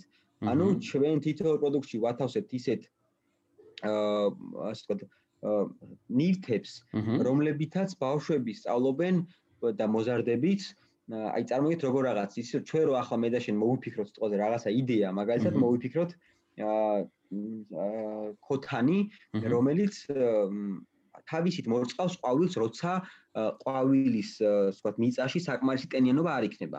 და წარმოგიდგენ როგორ როგორ გადავჭერით ჩვენ ეს როგორ ვაწვით ამ ამის თქვათ სწავლის შესაძლებლობას ბავშვს. ჩვენ STEMbox-ში დევს ჭკვიანი, ანუ რამდენიმე ჭკვიანი მოდული დევს და ჭკვიანი მოდული ნიშნავს პატარა PCB boards პლატას, რომელზეც არის პროგრამ ჩიპი უკვე დასმული და პროგრამებული, რომ ბავშვს არ მოუწიოს ეს რაღაცა აი სარჩილავის დარჩილო ამ კომპონენტების შემდეგ, იმიტომ რომ მაგას ფიზიკოთ ვერ გააკეთეს ბავშვი, დამზადებული ბლოკ სქემები არის, ჭკვიანი მოდულები. გარდა ამისა არის კონსტრუქტორები, რომელთაც შეუძლია კონსტრუქცია აწყოს თავისი პროდუქტის თავისი წარმოსახვის მიხედვით და არის რაღაცა სხვა სხვა ნივთები, რომელთაც ამ ყველაფერს დაასრულებს. და ერთ-ერთი პროდუქტი ეს რომ რო განვიხილოთ, გვაქვს ჭკვია ტენიანობის მოდული, ბლოკ სქემა, გვაქვს ღილაკი, გვაქვს დროის ბლოკ სქემა და გვაქვს ძრავის ბლოკ სქემა და პროცესი მიმდინარეობს ესე.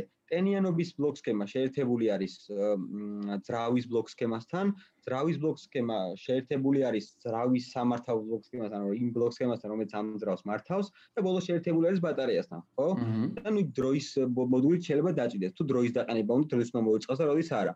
და წარმოგიდგეთ ახლა ბავშვი აწყობს კონსტრუქციას ქოთნის ჩაყრის შიგით მიწა შადებს სცენარეს, უბრალოდ ჩააჭობს აი ამ ტენიანობის მოდულს შიგნით და დანარჩენს უკვე აკეთებს ისეთ ტექნოლოგია, როდესაც გამოშვება მიწა, ეს ძრავი ავტომატურად ამოიტანს წყალს სპეციალური რეზერვუარიდან და ჩაასხავს ქოთანში. ეს იმენად მარტივად ხდება, რომ წარმოგიდგენთ ჩვენ რომ ახლა მოზარდები დასული ადამიანები, ინჟინერები დავხდეთ და ამის პროტოტიპის შექმნა დავიწყოთ, იგივე პატარა სამონტაჟო სქემაზე თუნდაც მარტივად პლატის აწყობით და პროგრამებით კონსტრუქციის შექმნით და ასე შემდეგ ამ ამ ყველაფერს ბავშვი აკეთებს 1000 ჯერ უფრო მარტივად რამდენიმე ბლოკ სქემის შინაარსის გათვისნობიერებით უმარტივესად მათი ერთმანეთზე მიერთებით და კონსტრუქციის აწყობით. დამაგარია. ეს არის ნუ სტებოქსიდია კი და აი რა საკითხი შეიძლება ხო? სოფლის ბაზარზეც არის ეს სტემბოქსები მსგავსი, ну რაღაც ეს წვიან ბლოკ სქემებს დაფუძნებული პრაქტიკულად არ არის, უფრო სხვა კუთხით არის, მაგათ არის snap circuits-ი, little bits და ასე შემდეგ, little bits-ი ყველაზე ახლოს არის ჩვენთან. მაგრამ ну ეს ეს ტექნოლოგიები მოიპოვება, ასე ვთქვათ, სოფლის ბაზარზე და ჩვენ ვართ უბრალოდ ის ადამიანები, რომლებმაც განა ეს თვითონ ბლოკ სქემები გაყიდეს, უბრალოდ ბლოკ სქემები აჰა ბლოკ სქემები და რაც კიდე ააწყვე. არამედ ყოველ 4 თვეში ერთხელ დებ ძალიან დიდ შრომას ვადგენთ რაღაცა X რაოდენობა პროექტების ვთქვათ სიას, ერთ ინსტრუქციებს, ვაკეთებთ ამ ბლოკ სქემებს და ბავშვს ვაძლევთ ცოდნას, ანუ რეალური პროექტი რო განახორც რეალური პრაქტიკაში გამოყენებადი პროექტი რო განახორციელოს უმარტივესად ბლოკ სქემების გამოყენებით. ჩათვალეთ აი ამას ვაკეთებთ ჩვენ და ეს პროექტები ყოველ რამდენიმე თვეში ახალ-ახალი გამოდის აი ამ სტემბოქსის სახით. ჩვენი სტემბოქსი პირველი რომელიც გავაკეთეთ და ახლა ხან ახლა ხანს დავსტარტეთ არის 6 6-8 წლიდან. აიმიტომ არის გაყოფილი 6-8 წლიდან რაღაც დეფიციტი, იმიტომ გვაქვს გამოყოფილი რომ სასურველია რომ ბავშვა იცოდეს წერა კითხვა. წერა არა, უფრო კითხვა და გააზრება. წერა არ არის აუცილებელი. მაგრამ ინსტრუქციები იმდენად ილუსტრირებული გვაქვს სად რა უნდა შეერთდეს რა როგორ უნდა აიწყოს რომ ის ბავშვებიც რომლებმაც წერა კითხვა კითხვა არიციან მაინც ახერხებენ პროექტების აწყობას. და ეს პირველი ბოქსი არის ხო? ამის გარდა ჩვენ ვაპირებთ რომ გავაკეთოთ ისეთი ბოქსები რომლებიც იქნება უფრო მაღალ ასაკობრივ სეგმენტზე გათვლილი და ის ბევრად რთული იქნება და ბევრად სხვა სხვა გამოწვევებთან იქნება დაკავშირებული აჰა. ნუ ყველა ყველას თავის რაღაცა იმას თავისი დონის დონეს დაუჩელენჯებს ასე ვთქვათ. აი რაღაც სამი წლიდან შეიძლება რომ უკვე რაღაც დავაწყებინოთ თავის სპეციფიური რიმით, ბაუში სიტყვაზე ეგ ასაინტერესო. თუ არის სამი სამი წელი სამი წელი ძალიან პატარაა სავარაუდოდ. აი მინიმალური ესა კი რა არის აი ეგ ასაინტერესო. აჰა. სასურველი არის 5 5 5 წლიდან როცა ბავშვი უკვე მეტნაკლებად რაღაცა ინტერესდება აი ამ ასაწყობებით, თუნდაც ლეგოები ავიღოთ და ასე შემდეგ, მაგ გასაკიდან უკვე სასურველი არის პრინციპში რაღაც დოზით მაინც შევხედოთ იქნებ იქნებ ბავშვს აინტერესებს. ბავშვი თუ გამოავლენს ამის ამ მიმართულებით რაღაც რაღაც დონის ინტერესს და ჩემი გამოცდილებით ტექნოლოგიურ სკოლაში ვინც კი მოდიოდა ღიაკარის დღეზე, რომელიც იყო უფასო, ანუ 100% რჩებოდა ხოლმე პრაქტიკულად, იმიტომ რომ ანუ ყოფილა გამონაკლისები 1-2, მაგრამ ახლა რასაც ვიხსენებ, სრუ აბსოლუტური უმრავლესობა თუ არა 1-2 ადამიანით ნაკლები რჩებოდა ხოლმე შემდეგ აკვეთილებზე, იმიტომ რომ ძალიან აინტერესებდათ ეს მიმართულება ბავშვებს.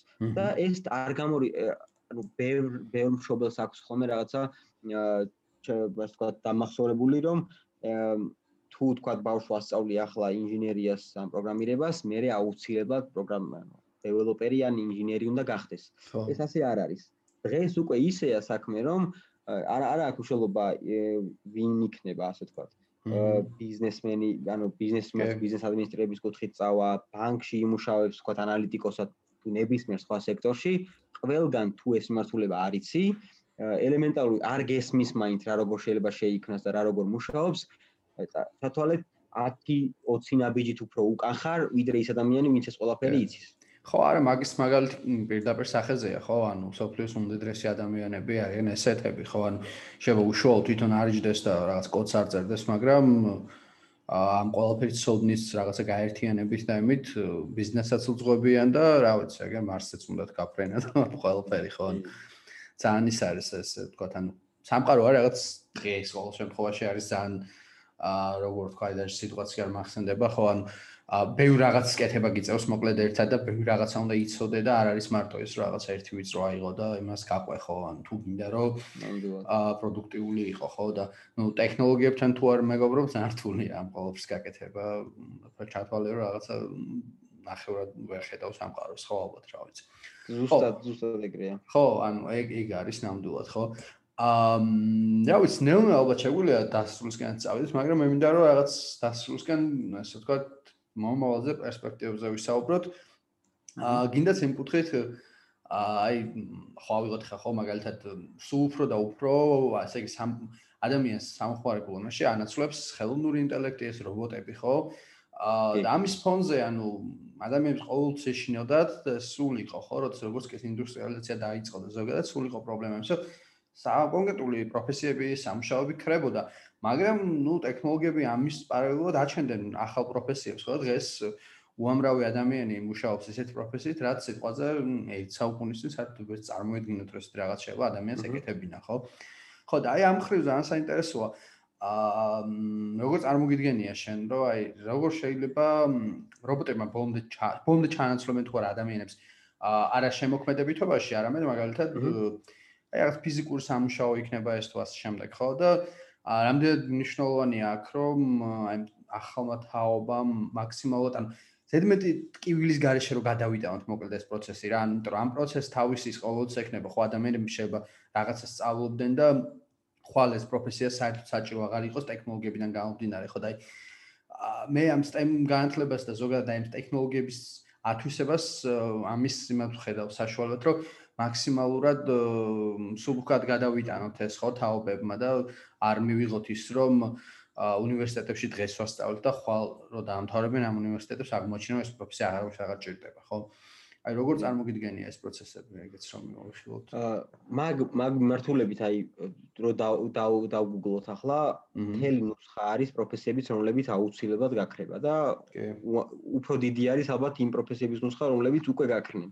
არავის არ წარმოედგინა ერთ საუკუნის წინ რომ მანქანების ქარხანაში, სადაც დღეს შეიძლება 1000 მანქანა მანქანის წარმოება მოხდეს, იმუშავებდა სამი ადამიანი, ხო? ეს არავის არ წარმოედგინა პრაქტიკულად და დღეს ერთი რჩევა, ანუ ამ პოდკასტში მე შეგვიძლია რომ ერთი რჩევა მივცე მშობლებს ვთქვათ ვისაც ან მოზარდი ყავს ან ძალიან პატარა საკის ბავშვი ყავს, არის ის რომ დღესვე მიეცით საშუალება თქვენ შვილს რომ ამ მიმართულებით რაღაც მცირეოდენი ცოდნა მაინც დააგროვოს. იმიტომ რომ ეს იქნება უპირობო წარმატება მისი ცხოვრებაში. ყოველ შემთხვევაში ამ გადმოსახედიდან საქართველოსში, საქართველოსში მაინც. აა იმიტომ რომ ისეთი პროფესიები როგორიც არის აა მაღაზიაში სიტყვაზე კონსულტანტი, მოლარე ოპერატორი, აა თუნდაც აი ქარხნებში აა მოხელეები და ასე შემდეგ. აი ეგ ეგ ეგ პროფესიები დღეს ამერიკაში მაგალითად თითქმის გამქრალი არის რა. ოდნავ წარმატებული თუ არის ქარხანა ყველა ვარიანტი ირჩევს ჭკვიანი ავტომატიზაციის გზას და არ ურჩევნია რომ ყავდეს თანამშრომელი იმიტომ რომ ის უფრო იაფიჭდება გზავადიან პერსპექტივაში. კი. უკაცრავად რაღაც ხაიარა კი ბატონო.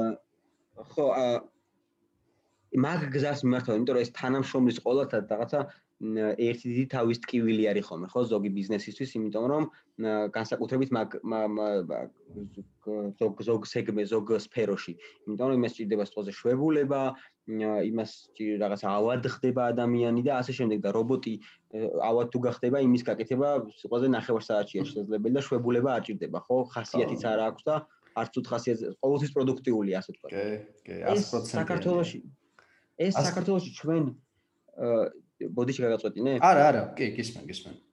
ჩვენ ეს საქართველოსი ჯერ არ გვიგზნია მაინც და მაინც, მაგრამ ბერმას სფერო მიგზნო.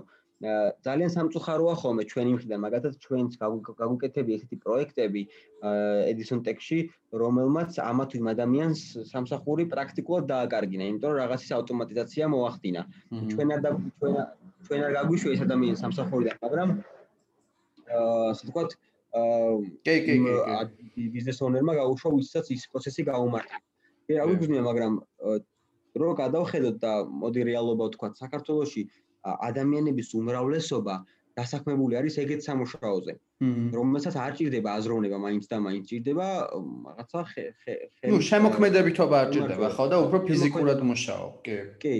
ძალიან დიდი ნაწილი არის მაგ კუთხით დასაქმებული და ეგ აუცილებლად ანუ დღეს და ხვალ საქართველოს ეგ ვერ მოხდება სავარაუდოდ ყველა სფეროში მაგრამ აუცილებლად მოხდება და ამ მიმართულებით არის საშიშროება რომ ვინც განათლება ანუ არ სწავლობს ტექნოლოგიებს არ ვითარდება ძალიან სწრაფად შეიძლება საერთოდ გამოუშადეგარი იყოს გრძელვადიან პერსპექტივაში და აი უხეშად რო ვთქვა, მოდი რაღაცა უშიერი დარჩეს პირდაპირ ვთქვა. და ამერიკაში ეგრეც ხდება, ამერიკაში ერთი შეცდომა რო დაუფრო სიტყვაზე, შეიძლება ერთი შეცდომა დაგიждდეს იმ ფასად რომ საერთოდ შეერი და უსახლკარო დარჩე და არავის არ ჭირდებოდე. საქართველოს შედარებით მარტივად არის საქმე. ზოგადად მომავალი აუცილებლად მე არაფერი წმენა არ უნდა ამას ამას ჭირდება უბრალოდ ამ მიმართულებით ცოდნა და გააზრება ამ მიმართულებით ცოდნა და გააზრება მომავალი არის ხელოვნური ინტელექტის და მომავალი არის ავტომატიზაციის სისტემების ანუ ინდუსტრიული ინდუსტრიული რევოლუცია 4-დან 0-ის ყველა ქარხანა ყველა ეგეთი სამუშაო აუცილებლად ყველა მაღაზია გადავა ავტომატიზაციაზე როგორც ეს მაგათ Amazon-მა გააკეთა ხო? გააკეთა მაღაზია რომელშიც შედიხარ არც მოლარე არის, არც კონსულტანტი არის, არა, უბრალოდ იღე პროდუქტს, დებ, თქვა, ჩანთაში და მიდიხარ. არც ფულს არ იხდი, ავტომატურად გეჭრება თანხა ბალანსიდან. აა ჩათო რა რამდენ ადამიანს დააკარგინა უკვე მაგ ერთმა ტექნოლოგიამ სამსახური, ხო? ეს ეს ეს აუცილებლად მოვა ჩვენამდეც და ნუ ცოტა მკივნეული იქნება, მაგრამ სამაგიეროდ მეორე მხარესაც შევხედოთ, რაც უკვე ახსენე შენ, რამდენი სამუშაო ადგილის შექმნა ამ ამ ტექნოლოგია ანუ ამ მიმართულებამ სხვა ადამიანებისთვის. მეტი უარი უკვე საჭირო და მეტი აზროვნება მაგრამ სამაგიეროდ ანაზღაურებაც მეტია, ხო? უფრო რაღაცა გადანაწილება მოხდა ეკონომიკის. სამამისად ერთი არის რომ უნდა შევშინდეთ და თან ძალიან უნდა შევშინდეთ. ის ადამიანებმა შეშინდნენ, ვინც თქვა ამართლობით არ არ ჩადებენ ძალისხმევას, მაგრამ ეს შიში ყოველთვის უნდა გამოიყენო мотиваციად. და იმდენი უნდა იშრო მომართლებით, რომ შენ უბრალოდ ჩანაცვლებადი კი არ გახდე, არამედ ჩაუნაცვლებელი გახდე და პირიქით მეტი შენ იყო ისეთი რაღაცის შემქმნელი, რაც სიყვაზე რაღაცა დიდ ძრებს გამოიწვევს ამა თუ ინდუსტრიაში. ხო, არა, ეს არის ნამდვილად რომ პროცესი არის მტკინვეული და ეს პროცესი გაგრძელდება. აა უბრალოდ აი ეს არის რომ მაქსიმალურად უნდა მოხერხდეს ამისთვის მომზადება და პროცესში მაქსიმალურად უმკინველოდ ამის გადატანა ხო აი მაგალითად ეხა შენ ეს Amazon-ის ფაქტორი ახსენე ხო აა მათ შორის არის ის რომ სულ უფრო და უფრო აქტიური აქტუალური ხდება და აა სავარაუდოდ ძალიან ცოტა ხანში ეს ესე ვთქვათ მასიური იქნება ხო? თვითმართვადი ავტომობილები მაგალითად ხო? აა რაც ავტომატურად გამოდის რომ ძღოლის პროფესიასაც ან ადამიანი რომელიც ავტომობილს ატარებს სიტყვაზე რა რაღაცა დისტრიბუციაშია ჩართული თუ სიტყვაზე ტრაილერის ძღოლი ან ასეთი რაღაცებიც კი კარგება და აა ძალიან ბევრი ადამიანს ეს რა თქმა უნდა ასე ვთქვათ პრობლემას გააუჩენს ხო? თუმცა ანუ მე მე ყოველ შემთხვევაში ამ კუთხით ნაწილობრივ ნაწილობრივ არა უფრო ოპტიმისტურად უყურებ ამას იმიტომ რომ რეალურად ტექნოლოგიებს აქვთ იმის პოტენციალი, რომ ზოგადად კიდაც სამომავლოდ ადამიანი განთავისუფლონ, ესე ვთქვათ, რუტინული შრომისგან, ხო? და უფრო ადამიანები გახდნენ, რა ვიცი, მე ეს ფაქტია, რომ ადამიანს ხო აქვს შემოქმედებითობის სურვილი, თავიდანვე აქვს ესე ვთქვათ რაღაცა ცნობის მოყარებას და მე ანუ არის რაღაცა თვითონ სისტემა შეიძლება ვთქვა, რომელიც ამას რაღაც ზონაზე გიკლავს და შენ რაღაც რუტინულ რაღაცას გაკეთებინებ დღიდან დღემდე, ხო? რაც რა ვიცი, მე მე ოპტიმისტი ვარ ამ ხრიდან, მგონია რომ ტექნოლოგიებს აქვთ იმის საშუალება, რომ ეს რუტინა ჩაგვინაცვლონ და ჩვენ მაქსიმალურად მოგვეცეს საშუალება, რომ მივცეთ ჩვენ შემოქმედებითობას მეტი ესე ვთქვათ შანსი, ხო? ან რა ვიცი, მე ამ ხრივ ესე ვთქვათ ჯერ ხოლმე შემთხვევაში ხო, კომფორტი ზონიდან უნდა გამოგვიყვანოს რაღაცამ, რომ განვითარდეთ და წარმატებას მივაღწიოთ. ხო, და ნუ თან მეორე საკითხი არის, რეალურად რამდენადაც არის ეს კომფორტის ზონა, იმიტომ რომ შენ შეიძლება ადამიანი ბოლოდ ეს რეალობა იყოს და ამას თვლიდე რომ ეს არის კომფორტის რეალობა, მაგრამ აა მე მაინც არ მგონია რომ შესაძ ადამიანებს გვიწევს რაღაცა რუტინული რაღაცის დღიდან დღემდე კეთება, ეს მაინც იყოს გინდა ადამიანის ბუნებისთვის აა ესე რა ქვია კომფორტი ხო? ანუ ადამიანის ბუნებისთვის მე ესე მჯერა რომ არის უფრო კომფორტი შესაძაც ადამიანს აქვს პატარობიდანო იმის საშუალება რომ საზოგადოებას აქვს იმის ესე ვთქვათ აა შესაძლებლობა რომ ამ ბავშვებს თავიდანვე მისცეს ხო? რაღაცა აა მათი ფანტაზიის და მათი ცოდნის რაღაც განვითარების საშუალება და რა ვიცი ჩემ ჩემი აზრით ძალიან სახეობის და ზოგადად კაცობრიობის ერთ-ერთი ის მიზანი ეს უნდა იყოს მით უმეტეს როცა ტექნოლოგიები სულ უფრო და უფრო მოგწემენ ამის საშუალებას მომავალშიც ხო და აი რა ვიცი ნებისმიერ რაღაცაში ჩდება უკვე ხო ეს თვითმართველი ავტომობილები იყო იგივე აი ჩეტბოტები რო ავიღოთ ხო? ადამიანი რომელიც გინდათ აი ახალი გაჩენილი პროფესია და ვთქვათ ადამიანი რომელიც სიტყვაზე ამათ კომპანიის წარმომადგენელია და რომ იწერ Facebook-ზე ის პასუხობს ხო? კი. და აი ესეთი რაღაცის ჩანაცვლება ხდება ანუ იდეაში რაც ესე ვთქვათ ახალი პროფესია და ახალი საქმიანობა, რაც ინტერნეტის ფლობას, კომპიუტერის გამოყენებას და ამ შემდეგ მოითხოვს, რეალურად აი ჩატბოტები რო ავიღოთ ეს ეს ამ ამ ახალ პროფესიას უშდება საფრთხე, იმიტომ რომ თუ ჩატბოტს ესეთი მძლავრი ხელოვნური ინტელექტი ექნება, რომელიც მაქსიმალურად სწრაფად გადაამუშავებს ინფორმაციას ერთდროულად შეძლებს უპასუხოს მაგალითად 100 და 1000 ადამიანს, ხო? რატომაც არა, ხო, რა თქმა უნდა, მოხდება მაქსიმალურად ჩანაცვლება ამის და ნუ ჩატბოტებს დღეს უკვე ხედავთ მასიურად. სულ უფრო და უფრო მოთხოვნადი ხდება ეს თემა, როგორც უცხოეთში, საქართველოსში ჩვენთანაც უკვე აქტუალური ხდება და აა რა ვიცი, მაქსიმალურად დრო ცოტაა, როგორც იტყვია, უნდა ვიჩქაროთ, მე მგონი ამ კუთხით რა. ხო, ნამდვილად. აა ხო, რა ვიცი, ანუ მე მგონი რაღაც აა დასრულისკენ მივედით ესე ვთქვათ და აა იმედი ოპტიმისტურად დავასრულოთ ესე ვთქვათ და მე მაინც მგონია რომ ტექნოლოგიები მოგვიყვანეს უკეთეს სამყაროში, არ არის ეს სამყაროში სრულყოფილი ნამდვილად არ არის. თუმცა მაინც მგონია რომ უკეთესია რაც იყო გინდას ტექნოლოგიებამდე. და რა ვიცი, ანუ მე მგონია რომ კიდე უფრო უკეთეს სამყაროს შევქმნით და ამისთვის ტექნოლოგიები აუცილებლად გჭირდება, არ ვიცი, ისე არ გამოვა ხო, ფაქტია, რა ვიცი. კი, კი, აუცილებლად ყველა ყველა ნაბიჯი რაც კი გადადგულა კაცობრიობაში ბორბლის შექმნიდან დაწყებული, ყველას ტექნოლოგია დავარქვათ, ყველაფერმა ვიღაცას შეიძლება სამსახური დააკარგინა, მაგრამ უკეთესი მომავალი შექმნა.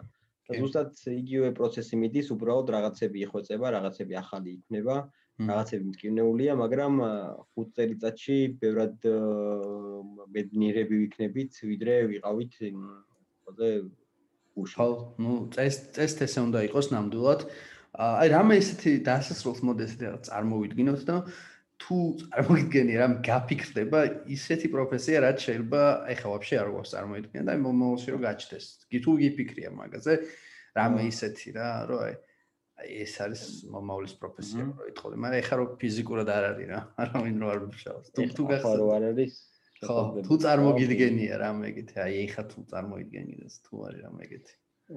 ნუ მომავალში შეიძლება ერთ-ერთი შეიქმნას პროფესია აა აი რაც მე წარმომიდგენია რა, არის ის რომ სიტყვაზე მაგალითი ავიღოთ, ისეთი ადამიანები, რომლებიც განსაკუთრებული უნარჩვევებით გამოირჩევიან, აზროვნებას გულისხმობს ხადია, მაგათი ტვინიდან მოხდეს რობოტებისთვის, ანუ ხელოვნური ინტელექტის დატრენინგება, ასე ვთქვათ. რა, ანუ პროფაგათი პროფესია იყოს, რომ მაგათი ტვინი გამოვიყენოთ იმისთვის, მაგათი რაღაცა, ასე ვთქვათ, ანუ ხო არსებობს დღესაც ტექნოლოგიები, რომელსაც თავზე გამაგრებენ და ნეიროიმპულსებს აფიქსირებენ, ხო? წარმოიდგინე, რაღაცა ამაგრებდნენ ეგეთ ჭკვიან ადამიანებს თავზე და ისინი თავიანთი აი ნეიროიმპულსები თავიანთი ფიქრები და შემდეგ ატრენინგებდნენ ამ ხელოვნურ ინტელექტებს და თავიანთი ცოდნა გადასცენ. და ესეთი ადამიანები ბევრი თუ იქნებიან, ჭკვია ილონ მასკს დავსვათ, რაღაცა ჯეფ ბეზოსს თუ დავსვათ, რაღაცა სხვა და აი მომოვალ აინშტაინს თუ დავსვათ ამ შემდეგ ყველა ერთად რო ატრენინგებდნენ აი ამ რობოტებს. სიტყვა რაღაცა რო უიოცნებოთ შეიძლება ან ან უფრო უკეთესი რაღა რობოტები დავატრენინგოთ, იყო და ვიღაცა თუ ყავს რაღაცა ასე იგანი ან ვიღაცა რაღაცა აჰა კინგი სიტყვაზე ეგენი იღებდნენ ფულს იმაში, რომ თავიანთი ტვინის რაღაცა თოდნა გადმოგხსენ ჩვენ. ხო, ეგ ვაფშე მაგარია. ხო, თუ ჩვენ ან ჩვენ კომპიუტერები ისე თუ გაძლიერდება, რომ რაღაც დონეზე ჩვენ შევძლებთ ჩვენი ფიქრების, ხო? ან რაღაც დონეზე ასახო დღესაც კი ხდება, ხო? ამის ექსპერიმენტები უკვე დაწყებულია, მაგრამ თუ ამას კომპლექსურ დონეზე შევძლებთ, მართლა შეიძლება ვიღაცაებმა ვაფშე არა მარტო ფიქრები გაყიდონ, ხო? ვაფშე არის ახლა მაგალითად აი სამცირო ფანტასტიკის ჟანრში არის ესეთი რამდენიმე ნაწარმოები დაჟე, სადაც აი ზუსტად ეს მომენტია, როდესაც ადამიანები დაჟე თავის ფიქრებით ვაჭრობენ ხოლმე რა, ანუ წარმოიდგინე და არა მარტო ფიქრებით, ემოციებით. აი მაგალითად ადამიანმა განიცადა რაღაცა ძალიან კარგი ემოცია სადღაც რაღაც კონკრეტულ დროს ეს ჩაიწერა და აა სიტყვა და მე ამას ყიდის. ერთ-ერთი ფილმი არის ნემონიკიც ქვია მე მგონი, ის თამაშობს რა ქვია კიანუ რივზი, მანდაც არის ეგ მომენტი, სადაც ადამიანები ესე თქვა თავიანთ ემოციებს ყიდიან, ხო? ნუ ძალიან ბევრი რაღაც შეიძლება ესე თქვა გაჩნდეს მომავალში, რაც წარმოუდგენელია და ჩვენთვის შეიძლება ხა ის იყოს რა ქვია, ფანტასტიკა, მაგრამ რა ვიცი, რატომაც არა, ხო? და საუბრები შეი არაფერი არ არის გამორიცხული, ასე თქვა. და რაც მეტი გაჩნდება ეგეთი, ვით უფრო ინტერესება ხდება ჩვენი ცხოვრებაც, ამიტომ ხო, აი ეგ არის ძალიან მოვეჭიდოთ. კი, კი, ეგ არის ძალიან მნიშვნელოვანი, იმიტომ რომ აი მე მაგალითად ეხა ხო, ანუ აი ჩემ ბავშვობა რომ ახსენდება, მე ანუ მე გავიზარდა იმ რეალობაში, სადაც კომპიუტერი ძალიან ისეთი რაღაცა იყო, აბსტრაქტული რაღაცა იყო და ვაფშე პროსტა ვიცოდით, რომ კომპიუტერი არსებობს, მაგრამ შეხებაც კი არ მქონია ბავშვობაში ამასთან რა და ა დღეს კომპიუტერის გარშე, რა ვიცი, წარმოუდგენელია. ფილმებს რო უყურებ ხოლმე, ძველ ფილმებს, აი მაგალითად ტიპი რო სამსახურში მიდის ხოლმე რა და რო ჯდება ხოლმე. და კომპიუტერი რო არ უდევს რა, სულ მიშტება ხოლმე, შეგდო რას მუშაობს რა. წარმოიდი აი თანამედროვე ადამიანი ნებისმიერ აი ოფის მენეჯერი იქნება ეს რაღაცა და რომ მიდის დღეს სამსახურში და ლეპტოპი რო არა აქვს რა. როგორ უნდა იმუშაოს ხო? ეგ გიჩდება რას რა რა უნდა აკეთო ხო? თუმცა ადამიანები ესე მუშაობდნენ და ნუ სისტემა ფუნქციონირებდა, მაგრამ დღეს უკვე ვეღარ წარმოგვიდგენია. შეიძლება საერთოდ აღარ დაგხვდეს კომპიუტერები და უკვე ისე გვეთოს ისეთი პატარა კომპიუტერი, რომლითაც კომპიუტერს აღარ გავხსნით და დაუბრუნდებით იმ რეალობას, ოღონდ გაჭკვიანებულები. კი, კი, ნუ აი მაგის მცდელობაც არის ხო ნევრალინკი და მასკი და მოკლედ თელი ამბები. აა კი ბატონო, რა ვიცი. მოკლედ ესეც ოპტიმისტური და კარგი სიმედით დავასრულოთ ჩვენ დღევანდელი პოდკასტი. ძალიან დიდი მადლობა შენ და რა ვიცი. შენ. აა წარმოტევას გისურვებ და მგონია რომ რა საქმესაც შენაკეთებ და შენ მეგობრები აკეთებენ აა ძალიან მნიშვნელოვანია ზოგადად ქვეყნისთვის და რა ვიცი. იმედი ვიქონიოთ რომ თქვენ საერთოდ ბევრი ადამიანი გამოჩნდება კიდე და ბევრი ადამიანი დაიწყებს ამის კეთებას და ალბათ ბევრი ადამიანმა რომ დაიწყოს ამის კეთება თქვენ უნდა მიაღწიოთ ესე ვთქვათ პიონერებმა დიდ წარმატებას რომ მათ დაინახონ რომ თუმე როგორ მნიშვნელოვანი ყოფილა ამის გაკეთება. ამიტომ გისურვებთ ძალიან წარმატებებს. და რა ვიცი, დაგემშვიდობები. დაგემშვიდობები და დიდი მადლობა, ძალიან საინტერესო იყო ჩვენთვისაც შენი აზრები განსაკუთრებით და იმედია ვინ რაღაცა და ადამიანში პატარა ნაპერწკალს მაინც გააჩენს ვინც ამ ამ პოდკასტს უსმენს და მართლებით რაღაცას გააკეთებს. საერთოდ რაღაცა ყველა პატარა ნაპერწკლებით რაღაცა დიდი გამოვა უსიოდ. კი, იმიტომ რომ ეგრეა ზოგადად პატარა პატარა და მე არ შეიძლება. პატარა ნაპერწკალს ჩვენ შეიძლება